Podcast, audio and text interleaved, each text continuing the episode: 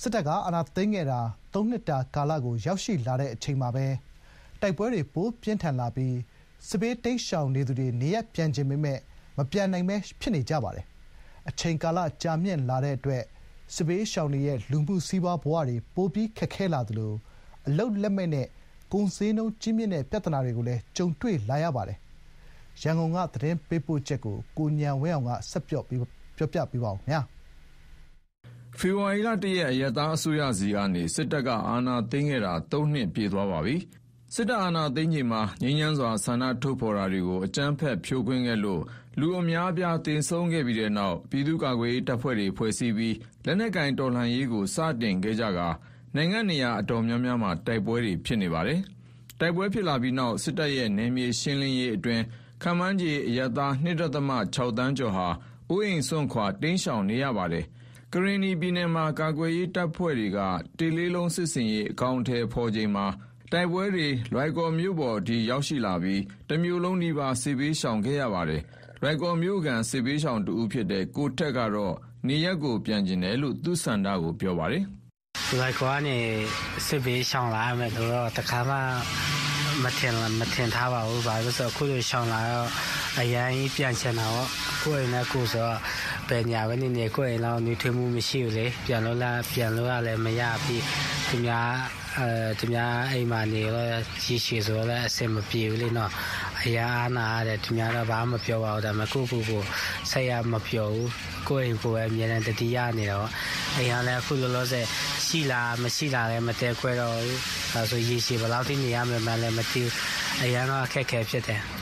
စစ်တပ်ကတကြောပြန်အာဏာသိမ်းခဲ့တာ၃နှစ်ပြည့်လာတဲ့အချိန်မှာပဲကရင်နီပြည်နယ်မှာတိုက်ပွဲတွေပိုပြီးတော့ပြင်းထန်လာတဲ့အတွက်မြို့ကန်တွေဟာနေအိမ်တွေကိုစွန့်ခွာတိမ်းရှောင်နေရပါတယ်။လွိုင်ကော်မြို့ပေါ်မှာတော့စစ်တပ်နဲ့ကာကွယ်ရေးတပ်ဖွဲ့တွေနေရာယူထားကြပြီးနှစ်ဖက်စစ်ရေးတင်းမာနေကြတာပါ။ ချင်းပြည်နယ် ထန်တလန်မြို့က ဒေသခံတွေဟာလည်း ၂၀၂၁ စက်တင်ဘာလကတည်းကစလို့ မြို့ကိုစွန့်ခွာပြီး စစ်ဘေးရှောင်နေရတာ ၂ နှစ်ကျော်လာနေပါပြီ။မြို့ရဲ့ အိမ်ခြေ သုံးပုံနှစ်ပုံဟာ မီးလောင်ပျက်စီးခဲ့ရပြီး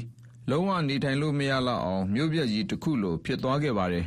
နှစ်နှစ်ကျော် စစ်ဘေးတိမ်းရှောင်နေရတာဖြစ်လို့ နေရပ်ကိုပြန်ချင်ပေမယ့် ပြန်လို့မရတဲ့ အခြေအနေတွေကြောင့် တိုက်ပွဲတွေကို ပြီးဆုံးစေချင်တယ်လို့ ထန်တလန် စစ်ဘေးရှောင်တဦးက အခုလို ပြောပါတယ်။“ပြန်လို့ရပြီဆိုရင်တော့ ဒီနေ့ရတယ်ပြောရင်တောင်မှ ဒီနေ့ချက်ချင်းပြန်ချင်တာ။ဒါပေမဲ့ အဲလိုအခြေအနေလည်း မဟုတ်သေးဘူး။ချက်ချင်းတောင်မှ ပြီးစေချင်တယ်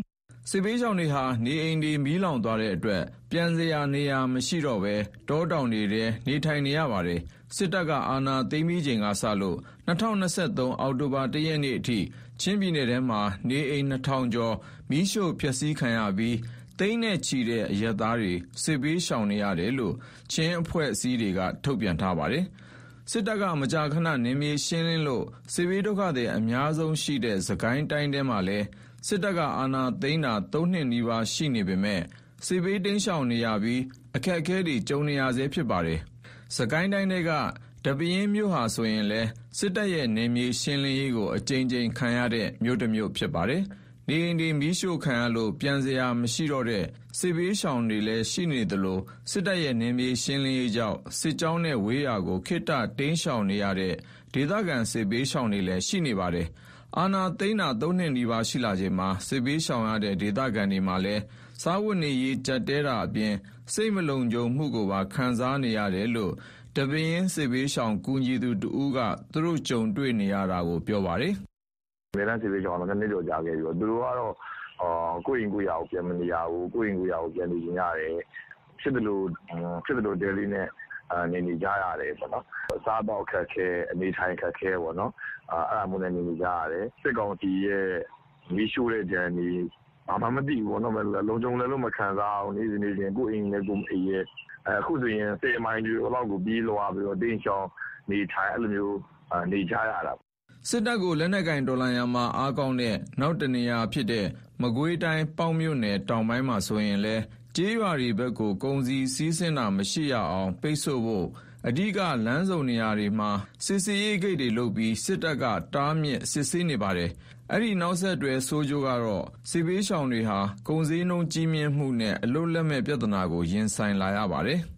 လူနေမှုအခြေအနေကဆိုးတယ်အလုံးလက်မဲ့သမားတွေပေါ့အရင်တော့လက်မဲ့ရမဲ့လူတန်းစားတွေမှာကြတော့အဲ့လိုမျိုးထိုးတော့သူတို့ကမိသားစုများတဲ့လက်ရှိလက်မဲ့သမားဆိုလို့ရှိရင်အဲကျွန်တော်ဟိုလက်တွေရစားရမရှိပေါ့နောက်ထပ်လည်းအကျွေးတွေယူထားရတယ်ပေါ့နော်လုံရတယ်လုံးဝမရှိအဲ့လိုဖြစ်နေတာကျွန်တော်တို့ဘက်ဒီမှာကျတော့တိုက်ပေါ်ပိတ်ခါခါပြီပေါ့နော်သွားလို့မရတော့ဘူးဒါမျိုးကုန်စီးဆင်းမှုဆိုတာကျတော့ကျွန်တော်တို့ဒီမှာပေါ့ခိုးပေါက်တွေတော့ရှိတယ်ခိုးပေါက်တွေကကျတော့ကျွန်တော်ဘယ်ရတဲ့လို့တော့မသိဘူးပေါ့ဆက်ဆက်ဆက်ဆက်ချိန်တာဆက်ဆက်ချိန်တော့ဒီရောက်တော့ကိုစင်းလုံးတွေအကုန်မြင်တာပေါ့ဓာတ်စီတပူကို၄တောင်ပေါ့ကျွန်တော်တို့ရွာမှာဆိုရင်